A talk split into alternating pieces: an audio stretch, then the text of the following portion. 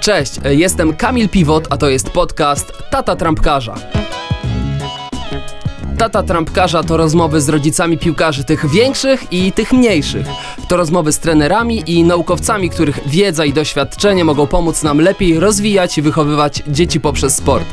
Zapraszam na stronę tatatrampkarza.pl, gdzie oprócz wszystkich odcinków podcastu znajdziecie teksty dotyczące zagadnień poruszanych w rozmowach z moimi gośćmi. Zachęcam do śledzenia profilu Tata Trampkarza na Facebooku, Instagramie i Twitterze, a przy okazji daję znać, że oprócz platform podcastowych wszystkie odcinki znajdziecie także na YouTubie. E, to chyba tyle, lecimy z rozmową. Tata Trampkarza, odcinek piąty. Witam Was. Dzisiaj moim gościem jest reprezentant Polski, były napastnik Legii Warszawa, e, były napastnik OSER, Piotr Włodarczyk. Dzień dobry. Dzień dobry Państwu. Em, jesteś idealnym gościem do tego podcastu. Z, głównie z tego względu, że po pierwsze sam przeszedłeś mega drogę jako piłkarz i będziesz mógł doradzić e, innym młodym i starszym ludziom, którzy będą tego słuchali. Mm, a także jesteś przede wszystkim tatą trampkarza. Tak jak już, już Szymon co prawda trampkarzem nie jest, Juniorem jeszcze. już jest juniorem, ale jesteś człowiekiem, którego prawdopodobnie wielu rodziców z chęcią by e, zaprosiło na rozmowę po to, żeby poznać złoty przepis. Mam nadzieję, że w tej rozmowie uda nam się dowieść, że takiego złotego przepisu na wychowanie piłkarza nie ma, ale zobaczymy jak to, e, jak to będzie. Zacznijmy od Twojej historii. Według 90minut.pl, jeśli wierzyć, nie, przepraszam, chyba według Wikipedii, e, tam pierwsze e, kluby KP Wałbrzych, który jest przy Tobie wspomniany, jest w wieku 20 lat. Kiedy Ty trafiłeś pierwszy raz do klubu? Do klubu trafiłem w wieku 10 lat. To była czwarta klasa podstawowa, no, ale wiadomo, że to kiedyś nie było tyle szkółek jak jest teraz, że praktycznie na każdym osiedlu, na każdym kroku gdzieś e, powstają nowe szkółki piłkarskie i uważam bardzo dobrze, bo przynajmniej dzieci, jest bardzo dużo dzieci teraz, które chcą grać w piłkę i nie wszyscy będą piłkarzami, ale przynajmniej mogą się dobrze bawić, rozwijać, trenować, a co z tego wyjdzie, to tak naprawdę czas pokaże. A ja w Obrzechu zacząłem jak miałem 10 lat, wtedy yy, no, najczęściej było tak, że się grało na podwórku w szkole, gdzieś tam trener zorganizował takie jakby, można powiedzieć, ala konsultacje dla takich wyróżniających się zawodników w szkole i później trafiliśmy ci najlepsi do klubu piłkarskiego, do Zagłębia Wałbrzych, ja trafiłem. I A czy to było rocznikami, czy tych chłopaków było na tyle mało, że było po prostu zbieranie na Rocznikami chłopaków to ze było, siebie? to była wtedy pamiętam właśnie czwarta klasa i my trafialiśmy rocznikami. Później ja zacząłem grać trochę starszymi chłopakami. Jak, jak oceniasz z perspektywy czasu? Dużo Ci to dało, gra ze starszymi? Bo teraz mówi się o tym, żeby tych najzdolniejszych przesuwać wyżej. No ja myślę, że to dużo daje, bo też patrząc na to jak yy,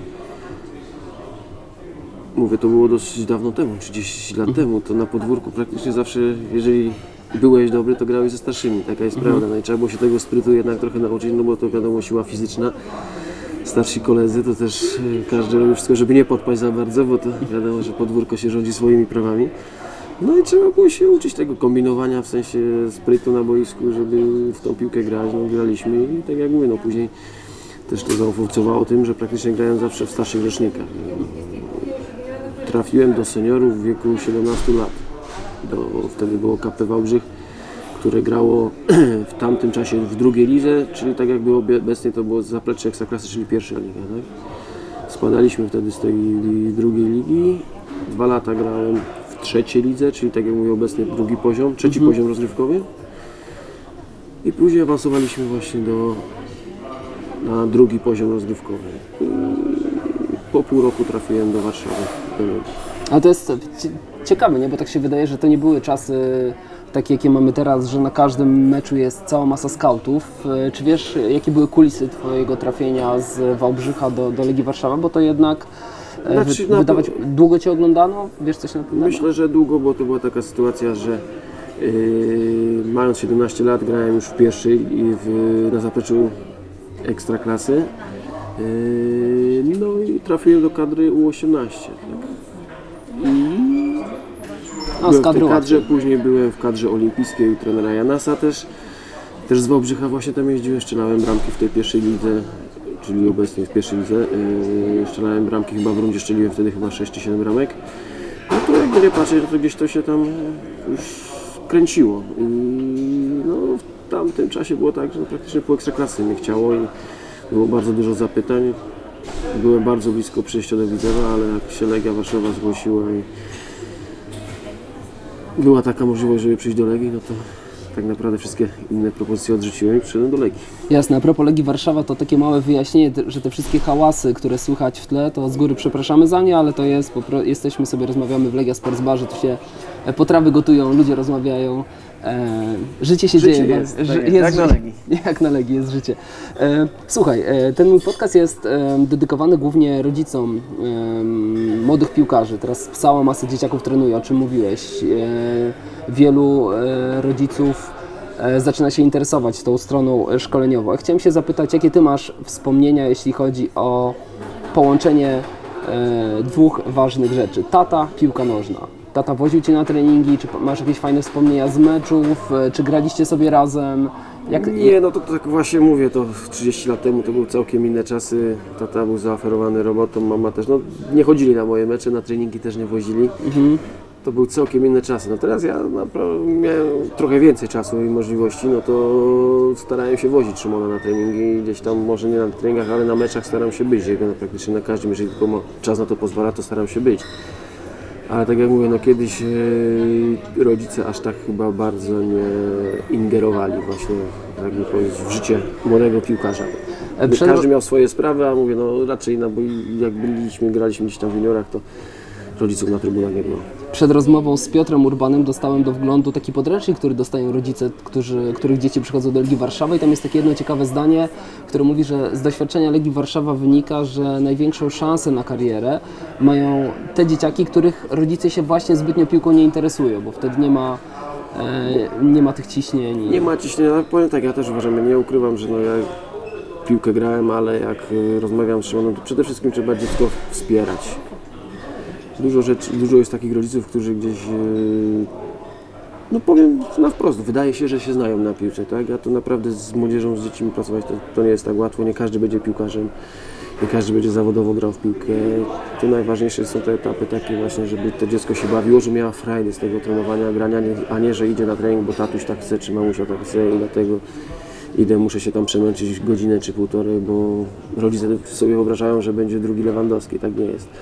Yy, To przede wszystkim dziecko ma chcieć i dziecko ma, że tak powiem, prosić o to, żeby mógł z niej na treningi się bawić, a rodzice mają wspierać po prostu i go podtrzymywać na duchu. Są czasami, mogą być jakieś tam chwile zwątpienia, ale to właśnie wtedy jest rodzic potrzebny, żeby dziecko wesprzeć w tych decyzjach, żeby się nie poddawało i robiło dalej swoje, a efekty przyjdą, a resztę zostawić trenerom. Niech trenerzy są po to szkoleni, po to są te y, systemy szkolenia, są, znają się na tym, wiedzą jak do tego podchodzić tą całą edukację piłkarską zostawić najlepiej trenerom. No, Poruszyłeś całą masę rzeczy w tym jednym zdaniu. Po pierwsze, że nie wszyscy będą piłkarzami. To też mi Piotr Urban mówił, że on witając się tutaj z rodzicami powiedział Cześć, jestem Piotrek Urban, a większość z Waszych dzieci nigdy nie zostanie piłkarzami. Myślę, że szczególnie rodzicom dzieci, e, którzy trenują w Legii Warszawa, trudno jest to trochę zrozumieć i przyjąć do siebie, bo myślę, że tu e, większość może myśleć, że już są bardzo, bardzo blisko, a, a doświadczenie pokazuje, że że to jednak nie jest. Jak ty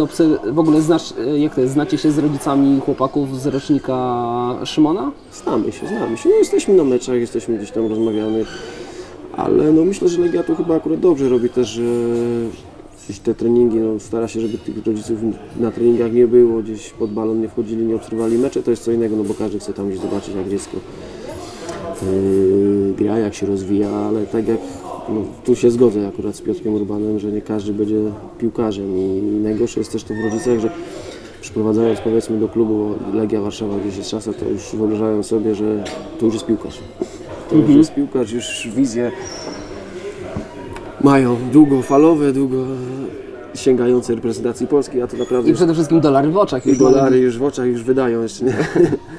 Tak pół żartem, pół serio mówię, ale no, to właśnie chodzi o to, że to przede wszystkim dziecko ma być szczęśliwe, dziecko ma być zadowolone, dziecko to powinno chcieć, jeżeli to chce, no to tak jak mówię, wspierać, a będzie się rozwijało i będzie robiło progres, a tak jak mówię, no niektórzy też są tak, że genetycznie są troszeczkę inaczej zbudowani, obciążeni, gdzieś kontuzje przychodzą, to wszystko i to, tak jak mówimy, no bardzo naprawdę dzieci bardzo dużo na świecie trenuje, a naprawdę mały procent gdzieś na końcu są tymi zawodowymi piłkarzami. Jasne, też powiedziałeś o tym, że wielu rodzicom wydaje się, że się znają na piłce. Ile ty się musiałeś głupot nasłuchać, jak, jak chodzisz na mecze i słuchasz, co tam rodzice, rodzice po, e, pokrzykują e, do swoich dzieci? Często No. łapiesz się na, za głowę? No łapię się, często nie ukrywam, że się łapię. Czasami właśnie najgorsze to są takie presje wytwarzane. E, są tak trochę takie może niespełnione ambicje rodziców, że im się gdzieś to w, też w sporcie chcieli być piłkarzami albo jakimiś innymi, a się nie udało i teraz z, zrobią tak, że ich dziecko będzie.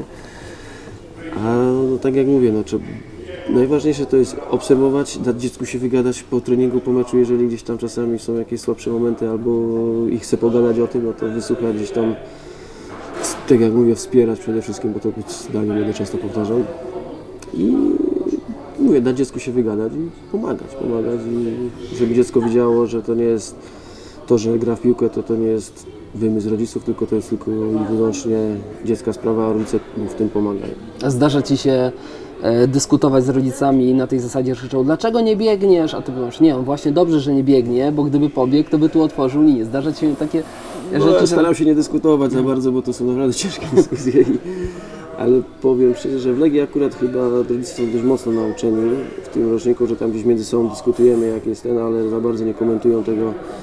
Bo to dziecko też, jak dziecko słyszy rodzica na... Ja na przykład nigdy nie- w czasie meczu do Szymona gdzieś tam nie krzyczałem co ma zrobić, czy ma gdzie iść. Tego. On ma sam decydować, on ma sam się tego nauczyć. A są niektóre takie dzieci też właśnie, zwłaszcza w tych najmłodszych rocznikach, jak tak patrzę, to jest trener, a dziecko patrzy, co, te, co tata tylko powie, czy nie krzyknie coś, czy nie podpowie i dziecko jest dekoncentrowane, nie robi to, co powinno robić.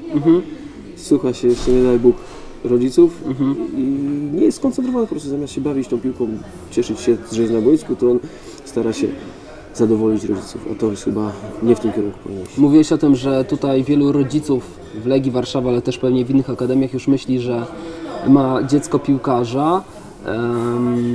Co ty robisz, żeby... Bo rozumiem, że ty też Szymona raczej próbujesz stopować, bo jest dla niego świe- świetny okres. Właśnie strzelił swoją pierwszą bramkę w, w, senior, w seniorach Legii, zagrał w reprezentacji, strzelił bramkę, tak? I co ty mu, czy ty temu nie dajesz odlecieć? Nie dajesz mu jeszcze poznać, że jest piłkarzem? Stopujesz Nie, go? Czy... Powiem tak, z Szymkiem dużo rozmawiałem, tak jak mówię, trenerom y, nie ingeruję w pracę Mhm. trenerów, bo to jest ich rola, tren- trenują z Szymonem, pracują, ja tylko oglądam, oglądam mecze i nie ukrywam, że rozmawiamy po meczach, analizujemy grę Szymona, czasami też byłem napastnikiem, to co mógł zrobić lepiej, co mógł zrobić gorzej, co zrobił dobrze, to też trzeba pochwalić. A zdarza się, że nie, nie, tato, tak już napastnicy nie grają. Nie, akurat nie. To trzeba przyznać, że Szymek chyba myślę, że y, w tych rozmowach.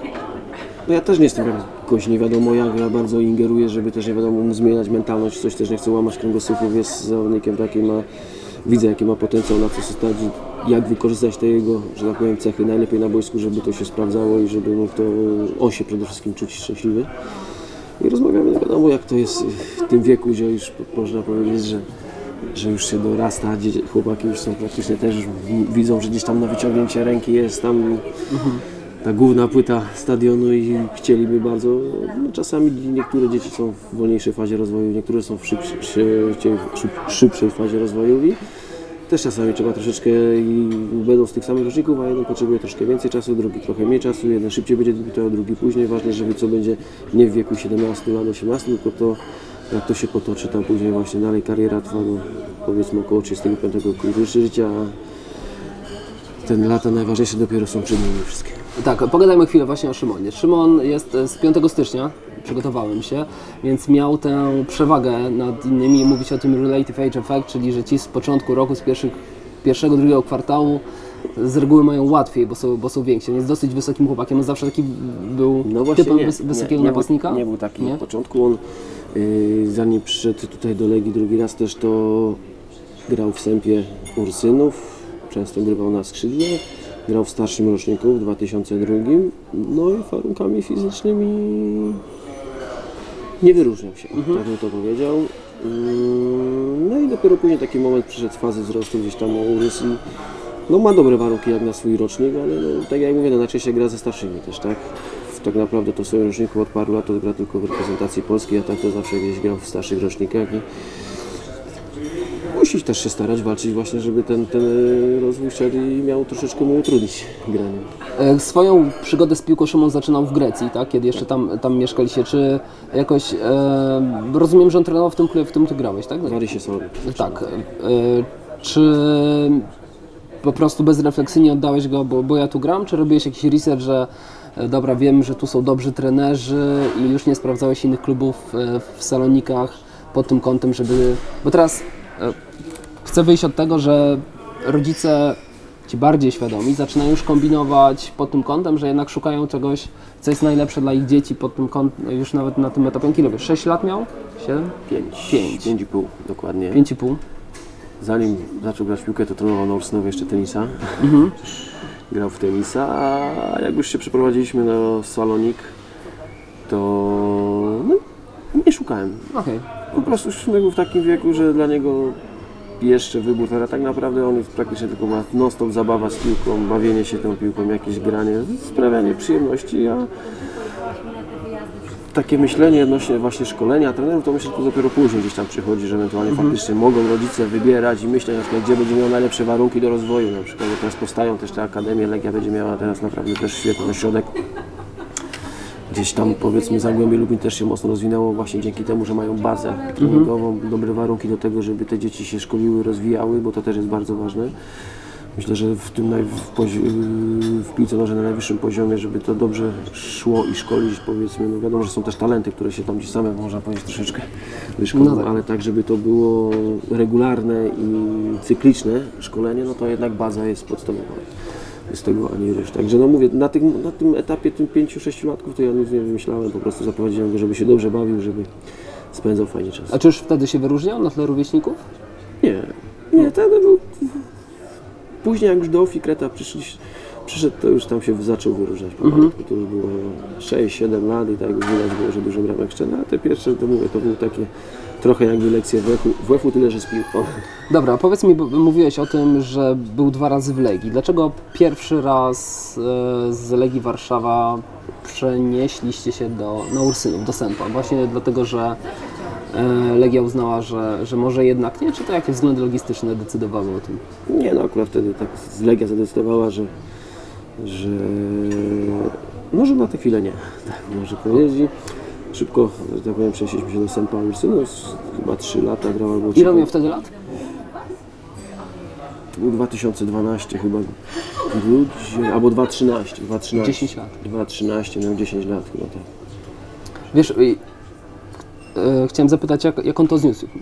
Zrobię mały wstęp. Ja jestem em, zwolennikiem, na tyle na ile się tam interesuję od, od paru miesięcy, więc jestem e, leszczem, jeśli chodzi o te tematy, ale na tyle, ile tam sobie czytam, jestem generalnie zwolennikiem odwlekania selekcji jak najpóźniej się da, właśnie po to, żeby takim dziesięciolatkom Oszczędzić oszczędzić odrzucania z jednej strony wiadomo, że potem mogą zacisnąć zęby, ale wciąż to są dzieci. Niektórzy jeszcze w wieku 10 lat mogą wierzyć w świętego Mikołaja, a już ktoś im mówi, że nie, nie, Szymon, może, jeszcze nie teraz. No nie było, Jak- nie było to miłe na pewno, no bo to tak jak można powiedzieć, może nie to, że się czujesz odrzuconym, ale gdzieś tam powiedzmy, trener cię nie widzi, tak? Że gdzieś tam możesz rozwijać i iść dalej. No to my szybko stwierdziliśmy, że poszliśmy do St. Paul's, no, praktycznie drugi dzień już był na treningu. Szybko formalności załatwiliśmy, zaczął grać i przede wszystkim mi zależało, bo to, jeszcze był też taki wiek, żeby on grał w piłkę, żeby on był zadowolony. Jak miał gdzieś tutaj być i byś miał nawet zostać, nie wiem, na siłę, żeby tylko być, to to też nie ma sensu. To mówię, dziecko musi być zadowolone. No, byliśmy 3 lata chyba, 3 albo 3,5 roku. 3,5 roku byliśmy. Legia znowu się zgłosiła, porozmawialiśmy. Zdecydowaliśmy wtedy wszyscy wspólnie razem, że to będzie najlepszy ruch. No, na pewno Szymek nie żałuje, no i później już tak można powiedzieć od tego drugiego razu w Legii, no to tak powiedzmy stopniowo cały czas idzie do przodu, cały czas się rozwija i ta praca jest dobrze wykonywana. A czy orientujesz się jakkolwiek, czy z tego, z tej ekipy, no, wiadomo, że to jest, gadamy o, o czasach zaprzeszłych, z e, której on został odrzucany, ilu chłopaków zostało, czy... No, No to chyba jest Patryk Pierzak tylko z tej ekipy, no właśnie, z tego co pamiętam. Tak, to jest, to jest też ten aspekt bardzo, ba, bardzo trudno ocenić talent dziecka w wieku, to ma 10 znaczy lat. Legia też trochę to zmieniła teraz już y, w tych czasach, wtedy jeszcze było, że tak powiem, może Mhm. inna ekipa, całkowicie trenerów, wszyscy byli inni, ale teraz y, też się stara, na przykład tak jak było chyba rok temu czy dwa lata temu, byli zawodnicy w tej właśnie wolniejszej fazie rozwoju w swoich rocznikach, to żeby ich gdzieś tak szybko właśnie, no mieli już powiedzmy ze względu na swoją fizyczność problem w swoim roczniku, Mhm. bo tam niektórzy szybciej dorastali, to trenowali na przykład z rocznikiem młodszym, tak? Gdzieś tam, żeby jeszcze poczekać, bo widać było, że mają potencjał, ale po prostu fizycznie jeszcze odbiegają. No Taki zawodnik jest jeden też właśnie, że który wrócił do, powiedzmy, do tego swojego rocznika teraz i gra dalej, który, a na przykład mogliby, mógłby się też wcześniej już zatracić, bo ktoś by powiedział, że nie, on się nadaje, bo nie jest fizycznie przygotowany, tak? Ale zostawili go, bo widzieli w nim potencjał i to się sprawdziło. E, Jest też mowa o tym, że w Anglii ci zawodnicy, którzy są odrzucani przez Akademię, to jest duży problem angielskiej piłki, bo oni po pierwsze tracą motywację już do, e, do grania, że skoro grałem tyle lat w nie wiem, w jakimś Arsenalu, to teraz mi się nie uśmiecha przychodzić do Akademii gdzieś tam z League Two. I, I chciałem się Ciebie zapytać o to, jak e, to wygląda od strony psychicznej, bo znam też historię z jednej z akademii. E, Mama mi mówiła, że oni muszą sami chodzić na sesje psychologiczne, żeby sobie jakoś chłopak, oprócz tego psychologa, który jest w klubie, żeby sobie potrafił radzić z tą presją, która na nich jest. E, że trochę paraliżująco działa na niektórych chłopców ta świadomość, że chyba tam raz na rok są te, te rozmowy, które w końcu w którymś momencie się musisz dowiedzieć, czy się nadajesz, czy nie. I, I chłopaki tak się boją tego odrzucenia, że sobie muszą. Ty jako pewnie piłkarz potrafisz jakoś doradzić e, Szymonowi. No tutaj, Powiedz, jak to u Was tutaj wygląda. też było podobnie w Legii, że co pół roku były takie rozmowy cykliczne z Mhm. e, zawodnikami, z rodzicami i były gdzieś ta selekcja była cały czas, no to nie ukrywam, że dużo rodziców jak już się zbliżało tam miesiąc czy dwa, to tak naprawdę tylko rozmawiali o tym, kto odpadnie, a nie czy dziecko się bawi, czy się rozwija, czy idzie, tylko kto tym razem Mhm. Zostanie, że tak powiem, wyselekcjonowany w tą drugim kierunku, tak? Tak, deselekcję. Tak jest. Desekcja. I no nie jest to miłe na, pe- na pewno. Nie? Znaczy ja uważam, że to, to, że na przykład jest zawodnik, yy, mówię, no są te duże akademie, tak jak mówimy w Anglii, jest Arsenal, te duże i, i tracą motywację. Dziecko w tym wieku to za bardzo nie powinno sobie wbijać do głowy, że jest naprawdę w wielkim klubie, po prostu ma się rozwijać, grać. No, trudno o to zdać Trudno, ja wiem, no, ale no właśnie chodzi o to, że jeżeli gra, y, tak jak Szymek był w Legii, przyszedł do Sępa Ursynów, wiadomo, że nie jest to miłe, że gdzieś tam musi ją wymienić, ale to dalej mi piłka sprawiała przyjemność, rozwijał się, robił wszystko, żeby być dobrym, udowodnić i pokazać, że, że, że on potrafi grać w piłkę, no i to właśnie się stało i z każdym rokiem był coraz lepiej i tak się rozwija powoli. Ty pewnie właśnie o takich, mówiłeś o tym, e, że inni rodzice o tym gadają, że to trudno wyprzeć to z głowy chyba, co? I jak myślisz, jaki to ma wpływ na, na chłopaków na boisku? Czy boją się zaryzykować, czy właśnie bardziej próbują bardziej grać, e, brać grę na siebie, czy... No to właśnie zależy, bo to też nie ma złotego środka, tak? Jedni zawodnicy, ale ja uważam, że jak się jest młodym zawodnikiem, który się uczy, który jest dzieckiem, to powinno się ryzykować i nie bać się podejmować tego ryzyka, no bo raz popełnisz błąd, drugi raz, ale trzeci raz już się nauczysz, tak? I, a jak będzie się grało tak zwane alibi zachowawczo, to człowiek się będzie rozwijał. Po prostu będzie robił wszystko tylko, żeby gdzieś tam piłkę nie stracić, żeby trener na mnie nie krzyknął, a to do niczego dobrego nie, nie, nie prowadzi w tym młodym wieku właśnie to piłkarze powinni jak najwięcej ryzykować, właśnie podejmować takie decyzje, żeby się uczyć tej kreatywności. No, To, to może w przyszłości kiedyś zaowocować, bo jak będzie już później nie wiem, zawodnikiem, który będzie miał 30 lat, no to czasami się to ryzyko kalkuluje faktycznie, no bo to, no, w młodym wieku to trzeba próbować jak najwięcej, ale ja jestem za tym, żeby trzyma się 30 lat czy 25, to to ryzyko na boisku trzeba podejmować. Dużo mówisz o tym wsparciu Szymona, o, takim e, rozmawianiu. Powiedz, macie jakieś rytuały przed albo pomeczowe? Nie. Rytuałów nie mamy. Nie mamy, ale rozmawiamy, tak jak mówię, no po meczach to często jest tak, że Szymek przychodzi chwilę gdzieś tam pierwsze co to się pytam jak. To też jest taki etap powiedzmy, że Szymek wie, czy grał gorzej, czy słabiej. I się zawsze pytam po prostu, jak się czujesz, jak czujesz, jak ty to widzisz. No dopiero opowiada i później ja swoje uwagi i rozmawiamy i bardziej to jest tak właśnie, żeby jeżeli popełnił jakieś błędy, żeby nie powielać tych błędów, żeby te błędy eliminować i żeby się uczył. W ogóle nie wiem, czy zdajesz sobie sprawę, ale tym, co właśnie powiedziałeś, wpisujesz się w jakieś najnowsze trendy pedagogiki. Jest taki profesor Tadeusz Huciński, który uczy, e, jest pedagogiem między innymi sportowym i to, to, co ty powiedziałeś, to jest to, co właśnie on zaleca, żeby zanim powie się dziecku własną opinię, zapytać go o jego zdanie, bo dziecko doskonale wie, czy On to za- czuje po prostu, czy grał dobrze, czy źle. Tak? tak, a, a kiedy byś mu powiedział dobrze, kiedy on czuje, że, że zagrał tak sobie, no to może by pomyślał sobie, że skoro moje tak sobie dla mojego ojca to jest dobrze, to może nie muszę się dużo bardziej starać, bo dla ojca będzie, będzie dobrze i trochę mi, zamyka mi ten dach, nie? Bo No to, to tak może być. To tak samo jak na przykład powiesz, że nic się nie stało. Jeżeli jest źle, to trzeba też o tym mówić, no bo też nie można bagatelizować tego, że dla niego coś jest ważne, a dla mnie to jest nieważne, tak? Także jak, jeżeli on uważa i rozmawiamy właśnie o tym, że coś tak powiedzmy, że można to poprawić i zrobić, no to trzeba o tym mówić. Pierwszym odcinku mojego podcastu rozmawiałem z dziennikarzem Markiem Wawrzynowskim, który opowiadał o tym, że on ze swoim synem e, przed pracą, po pracy, zależy kiedy ma czas, bierze worek piłek, jeździ na Orlika, kopią sobie, grają, podają, strzelają, cokolwiek. E, ty robiłeś jakieś indywidualne sesje treningowe Szymonowi na, na, na boiskach, w ogródku, gdziekolwiek?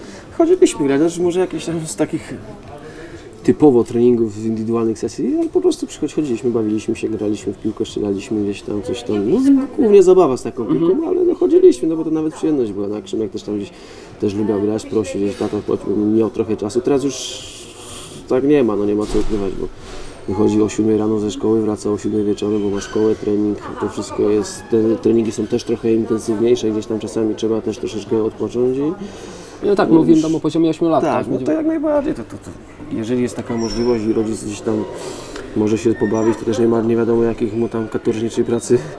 Ale wykonywał. bawiłeś Ba- się w takiego drugiego trenera, nie, tutaj źle układasz stopę, słuchaj, bardziej Znaczy się pamiętam, jak widziałem, że szczela gdzieś i źle faktycznie ustawia nogę, no to mu podpowiadałem, tak, żeby korygować te błędy i tak jak mówię, no ja tych strzałów gdzieś tam na treningach oddałem tysiące, jak nie więcej, albo miliony, tak, no bo to się tyle lat pracuje, no to wiem jak to zrobić, jak to poprawić właśnie. I Oczywiście, że gdzieś tam podpowiadałem. No teraz już bardziej, że tak powiem, jest to, te rozmowy są właśnie na takim bardziej jakby jak on ma się przygotować mentalnie do tego wszystkiego, chociaż on uważam, że się dobrze przygotowuje, ale no bardziej rozmowa teraz już niż takie zwracanie na błędy, że bo technicznie gdzieś tam już jest na tyle, na takim poziomie, że już gdzieś tam blisko jest tego wszystkiego, trzeba to, że tak powiem, cały czas poprawiać. A powiesz coś więcej, jak on się przygotowuje? Powiedziałeś, że się dobrze przygotowuje mentalnie. Co to znaczy dla Ciebie, że, że jest dobrze przygotowany mentalnie? No raczej zawsze w spokoju sobie gdzieś tam siedzi przed meczem, to zawsze wiesz, dzień wcześniej to raczej gdzieś tam czasami sobie na PlayStation pogra, gdzieś tam nie kręci się, zbędnej energii nie traci, raczej sobie relaksuje, gdzieś tam się sobie w głowie mecz układa. Zawsze gdzieś tam mówi, że też mówi, że przed snem to sobie tak jakby wizualizację robi w głowie, jak on by to zrobił.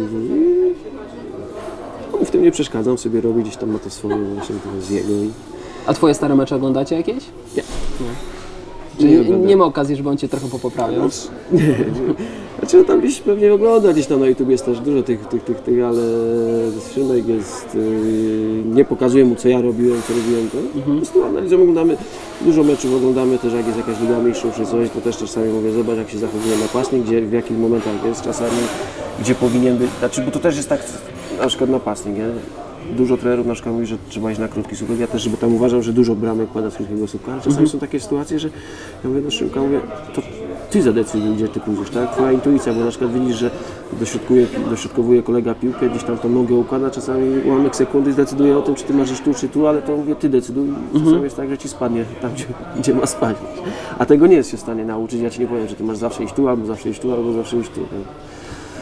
Wiadomo, że trudno jest to, to, tak sobie porównywać, e, ale jakbyś widział siebie w wieku Szymona, to myślisz, że, że gra lepiej niż Ty grałeś? Czy Ty jednak byłeś przez to swoje doświadczenie, że Cię bardzo wcześnie wrzucono na głęboką wodę?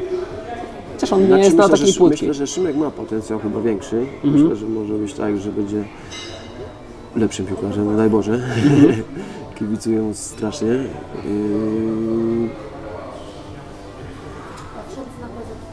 No ja w jego wieku na przykład w tych, grałem dopiero w kadrze U18, no on grał tak naprawdę już od Mhm. U15, gdzieś tam zdobywa tych króle strzelców, gdzieś tam tych bramek szczela, ma tego nosa też do szczelania bramek, gdzieś tam potrafi się znaleźć. Warunki fizyczne ma lepsze ode mnie, chyba szybszy też będzie. Już, A już jest wyższy od Ciebie? już jest wyższy. Wow. 1,89 m, także No jak ja sobie przypomnę, jak ja, jak ja debiutowałem w Ekstraklasie, to miałem 1,86 m i 72 kg, a Szymek już ma 77 kg. I jest wyższy, także no, wszystko jest przed nim, tak powiem szczerze. Jak będzie dobrze prowadzony, czasami pewnych rzeczy nie ma co przyspieszać, to pomalutku się toczy, bo jeżeli ktoś ma talent, to uważam, że ten talent na pewno gdzieś tam za chwilę Jasne. się ujawni. Też, że nie można przespać pewnych rzeczy, tak, żeby to gdzieś nie, nie zrobiło się tak, jak mówię, to zasiedzenie jakieś. Trzeba stymulować do rozwoju, ale no, jak się ma ten talent, tak zbytnie przyspieszanie czasami to też może być nie najlepsze. E, Ty jako były piłkarz masz e, tutaj o tyle to dobre doświadczenie, że ciebie byle menedżer za nos nie będzie wodził, nie? że zaraz go tu weźmiemy do Chelsea i on tam zaraz przybije się do, e, do drugiego składu, a potem do pierwszego. Powiedz, trudne to jest pomaganie w tym rozwoju kariery, bo rozumiem, że menedżerowie obijają się o ciebie, tak? Że... Tak, tak. Znaczy, no powiem, był taki moment, że gdzieś tam dużo menadżer, menadżerów z Polski próbowało się właśnie kontaktować, ale ja tylko zawsze mówiłem, bo to często jest tak, że podpisują umowę, a zobaczymy co z tego będzie później, jak się nie będzie wiedział. No, i Jak macie jakieś konkrety, to mogę rozmawiać, jak nie macie konkretów, to szkoda czasu, mojego i waszego, tak? No, to, yy, no już tak naprawdę to gdzieś tam też były sygnały od menadżerów z zagranicy, ale no, gdzieś tam były rozmowy, były propozycje klubów, wyjazdów zagranicznych, ale na razie z Szymonem stwierdziliśmy, że zostaje na razie w Warszawie, zobaczymy jak ma ważny kontrakt. I teraz zobaczymy właśnie jak to będzie szło dalej, rozwijało się gdzieś tam blisko jest powiedzmy tych seniorów tej pierwszej drużyny, także na tę chwilę to widzimy, że najlepszym rozwiązaniem chyba będzie tak, żeby że tak powiem, przyszedł przez pierwszą drużynę, a później no wiadomo, że każdy ma swoje marzenia, Szymek też ma swoje marzenia, gdzieś tam by chciał grać w, nie ma co ukrywać, w lepszych ligach, w lepszych klubach, no ale tak mówię, no, dużo pracy przed nim, a na razie też tam o wyjeździe nie myślimy. A zdradzisz, jakim klubie tak najbardziej? Nie, nie chcę zdradzać, bo tak no było, ale, Ale nie mówię o, o zainteresowaniu, tylko jaki jest top w ogóle marzeń Szymona? Czy to jest tam Re- Real, Barca, e, United, Nie, Liverpool? myślę, że my tak gdzieś Bundesliga też by go to było, ale Szymek też patrzy realnie, bo na przykład mówił, bo tam gdzieś były propozycje powiedzmy z Anglii. On miał też jeszcze niedawno takie, jakby miał gdzieś iść, tak jak właśnie Anderlecht mówił, Ajax z Amsterdamu mówił na przykład, to są takie A, kluby, no które... tak. bo mówi- Sensownie. Bo mówi, że no jak pojadę do Anglii teraz na przykład, mówi, to i tak na 99% będę wypożyczony albo do Belgii, albo gdzieś. Mówi, to lepiej iść najpierw do Belgii, a później gdzieś tam iść dalej. Także myśli też tak można powiedzieć w miarę racjonalnie, gdzieś tam śledzi te wszystkie ligi europejskie, wie właśnie jakie kluby, gdzie to stawia na młodzież, Mhm. gdzie można się rozwijać. Widzę, że ma taką ścieżkę przygotowaną, nie to, że od razu Real Madryt i tak, tylko żeby do tego Realu gdzieś tam dojść, powiedzmy, mówię teraz Real, nie wiem czy to będzie. Real, ale do jakiegoś tego najlepszego klubu, to jeszcze tam gdzieś trzeba po drodze parę etapów przejść. E, Mówiłeś o tym, że na początku w Warszawie jeszcze Szymon grał w tenisa. Jestem zwolennikiem, tam, żeby do 12 roku życia e, dzieciaki uprawiały jak najwięcej sportów i jak najpóźniej specjalizowały się w tej piłce nożnej. Jak to było z Szymonem? Tylko piłka? Czy ten tenis zawsze gdzieś tam był równolegle? Nie, y, koszykówka później. Aha, Także w koszykówkę on ma jeszcze to, że właśnie bardzo się interesuje też koszykówką, NBA śledzi bardzo gdzieś tam. ale na jakieś treningi chodził coś? Czy to- Nie, nie, nie, ale to akurat koszykówka jest na tyle też, można powiedzieć, dobrym sportem, że można ich sobie samemu pograć, porzucać i nie trzeba mieć do tego kolegów z, Tak. z podwórka, także zawsze jeżeli mają chęć, to sobie gdzieś porzucać. Też chodziłem z nim pograć, nie ukrywam. Tak i też gdzieś tam uczy koordynacji, ja też tak właśnie uważam, że trochę ten WF jest zaniedbany w tych szkołach teraz, bo kiedyś, tak jak mówię, nie lubię tego mówić, ale za moich czasów, ale jak to 30 lat temu było, to jednego tego WF-u w szkołach się bardziej, myślę, nauczyciele przykładali. Ten WF był naprawdę, każdy gdzieś tam czekał. Fajne lekcje WF-u, było, to dużo było tej koordynacji, gimnastyki jakieś i na pewno to dużo pomagało. No teraz, em, bo mówi się też o tym, że wiesz, że mm, kiedy chłopiec od wieku 6 lat trafia do szkółki i tłucze tylko piłkę, piłkę, piłkę, to po pierwsze może się wypalić psychicznie, nie mając żadnych innych sportów obok. Pasji, a po drugie, że jednak te prze, przeciążenia e, mogą, mogą Dobrze przez- jest trenować inny sport troszeczkę też właśnie, nie mówię, że na takim samym poziomie jak piłkę nożną, Nie, tak, ale tak, żeby to, to inne, inne mięśnie, y, partie mięśniowe pracują, inne ruchy się wykonuje, koordynacja jest trochę lepsza, także no, ja też zachęcam do tego, żeby jak najwięcej ruchu i to nie tylko właśnie, jeżeli trenuję piłkę nożną, nie tylko piłkę nożną, ale inne sporty też uprawiać jak najwięcej. Mówisz o tym, że Szymon może dać, e, zajść dalej, dalej od Ciebie. To jednak nie jest częsta sytuacja, jak się tak zastanowić, bo laikom mogłoby się wydawać, że syn piłkarza to ma łatwiej, bo ma tatę, tata mu powie właśnie, od tata oddał milion strzałów, strzelał w ligę e, na bramkę, e, strzelał w reprezentacji Polski, więc ta, jemu tata pomógł, stary go wciągnął. A tu się okazuje, jak historia pokazuje, że, że trudno jest młodym chłopakom wskoczyć e, na poziom swoich ojców. Jak myślisz, z czego to, to może wynikać? U Was chyba będzie inaczej, ale... No mam nadzieję, nie? Ale no, to, to nie jest wcale tak łatwo, tak, że tak powiem, obciąże, być obciążonym nazwiskiem, bo nawet gdzieś tam no nie ukrywam, że były głosy gdzieś, że to ja mu coś załatwiłem, że gdzieś tam gra, czy to jakieś... Nigdy tak nie było, że gdzieś coś załatwiałem, po prostu jak go gdzieś tam wspieram, mogę pomóc to, żeby on był lepszy, ale tak jak mówię, też to jakaś tam praca jest wykonana, a no, ludzie będą mówić, na szczęście Szymkowi też to tłumaczyłem, bo tam gdzieś wiadomo, że w internecie się komentarze czyta, że to tatoś, tak jak jest też Ariel Mos yy, gra razem z Szymonem, dwa tatusiowie pomogli, załatwili, nikt nic nie pomógł. Są na tyle dobrzy, że oni sami sobie to miejsce wywalczyli. Ja mówię, Szymon, musisz zrobić tak, żeby tym ludziom, że tak powiem, usta pozamykać i to będziesz, jak będziesz dobry, no to nikt ci nie będzie zarzucał takich rzeczy. I to tak właśnie dąży do tego, żeby te usta pozamykać i myślę, że nikt nie wątpi w to teraz, że Szymek sobie sam to wszystko, że tak powiem, na boisku wywalczył. No, tym bardziej, że swoją raz mu nazwisko nie pomogło, kiedy miał te 10 lat. Nie? No dokładnie, ja też nie, nie robiłem, tutaj też mógłbym przyjść powiedzieć panowie, nie ma tu na to być, bo to, to, to, to. No, nie, no taka była decyzja, stwierdziliśmy, dobra, idziemy gdzie indziej, są przecież inne ścieżki też można zrobić i pracować na tym. Najważniejsze było, żeby Szymek grał w piłkę, bo to naprawdę wielką fajną sprawę. Em, zanim e, poproszę Cię o, o trzy rady na, dla rodziców małych piłkarzy, tak się zastanowiłem, że w sumie Ty jesteś osobą, która te pewnie rozgrywki tych roczników 2003, 2002, 2004 mocno śledzisz. I e, ja bardzo lubię oglądać różnego typu rankingi, które mówią o przyszłych gwiazdach. To się bardzo śmiesznie czyta, że e, widzi się naj, najbardziej uzdolnionych tam 17-latków, a za 10 lat czytamy o nich i, się się nie i tam, że tam skończył w trzeciej lidze niemieckiej, e, awansował. I e, chciałbym Cię zapytać o trzy nazwiska, będzie, będzie z czego się pośmiać za 5 lat, e, albo za 7 lat. Trzy nazwiska tych takich juniorów w okolicach wieku, wieku Szymona, którzy Twoim zdaniem za te 5-7 lat będą stanowić o sile reprezentacji Polski, powiedzmy. No, jak chcesz, to możesz wymienić Szymona, jak nie, żeby go nie pompować, tego, tego nie wymień, ale Nie, jestem to- ciekawy, kogo tak najbardziej oceniasz, może są jakieś nieoczywiste typy. Znaczy się, no myślę, że tak patrzę, no na przykład mogę powiedzieć, bo nie chciałem tam mogę o tej kadrze, yy, co Szymek teraz grał u 17. No to jest naprawdę kilku takich ciekawych zawodników, fajnych zawodników, więc uważam, że ten 2003 rocznik jest naprawdę bardzo w Polsce bardzo mocny, bardzo ciekawy. Jest Kasper Kozłowski, który już debiutował w Ekstraklasie, to no myślę, że ma duży potencjał, ma taką swobodę, że on, tak widzę go, czy on gra w Ekstraklasie gdzieś, czy grał w tych yy, yy, kadrze 18, to tak bez takiego samego respektu dla przeciwnika, i, znaczy z respektem, ale w sensie takim, że nie widać, że mentalnie nie boi się, czy to jest gra z Anglią, czy z Liechtensteinem, gra podobnie.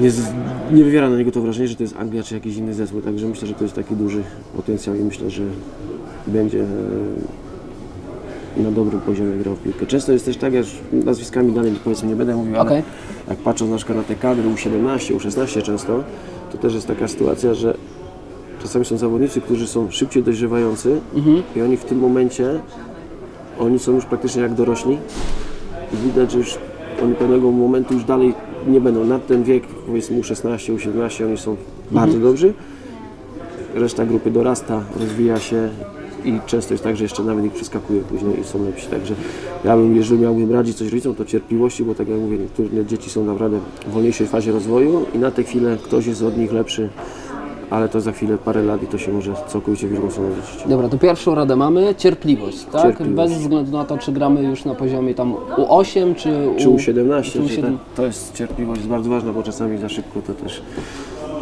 nic dobrego nie wróży. E, Rada numer dwa, coś się padnie do głowy? Dać trenerom, że tak powiem, pracować spokojnie i oni naprawdę chcą jak najlepiej dla tych swoich zawodników i bo ja uważam też, że to trener to jest moje zdanie, może się tam dużo ludzi ze mną nie zgodzi, że na przykład gdzieś tam fajne są zdobywać puchary Mistrzostwa Polski na przykład tam y, w grupach juniorskich, ale jak ja bym był trenerem, to dla mnie najważniejsze byłoby to nie, że zdobyłem Mistrzostwo Polskie, tylko to ilu moich wychowanków gdzieś grało później na wysokim poziomie i to by mi największą frajdę i satysfakcję sprawiło. Także no, tak jak mówię, dać pracować trenerom, trenerzy na pewno chcą jak najlepiej dla ich dzieci. Okej, to jest druga bardzo ważna rada, tym bardziej teraz w czasach, kiedy e, właśnie to, co wspomniałeś, wielu rodziców myśli, że się zna. Internet też może dawać to mylne wrażenie, że nauczę się czegoś z internetu i będę mógł poprawiać trenerów. Trzecia rada, przychodzi coś do głowy? Dać dzieciom się bawić, żeby to granie sprawiało im przyjemność, żeby oni z uśmiechem na twarzy chodzili na ten trening i schodzili z treningu, żeby się mogli doczekać kolejnego, a nie wywierać na nich presji, żeby to nie rodzice grają, tylko to mają dzieci się bawić i grać, a nie, że tak powiem, jakieś swoje czasami, tak jak mówię, może to źle zabrzmi, ale gdzieś tam swoje niespełnione oczekiwania z przeszłości chcą teraz, yy, tak powiem, na dziecku, że tak powiem, odrobić. No to jest bardzo trudne, nie? Dać, dać się dziecku bawić, bo na to się składa cała, cała masa czynników, czyli e, na przykład nie, nie, nie cisnąć dzieci o wynik, o tym się, o tym No, się mówi, że... nie cisnąć o wynik, yy, nie krytykować na każdym kroku, yy, wspierać, dać Mhm. im szansę się rozwijać i grać, jak mówię, nawet jak nie będą piłkarzami, ale taka zabawa, rywalizacja w grupie, to też w przyszłości w życiu pomaga. Tak jest. Dzisiaj bardzo Ci dziękuję za rozmowę. Dziękuję bardzo. Gościem piątego odcinku podcastu Tata Trampkarza był Piotr Włodarczyk, napastnik reprezentacji Polski, wielu klubów, prawie 100 bramek w Ekstraklasie i syn, e, tata, tata, tata Szymona. Dzięki wielkie. Dziękuję bardzo.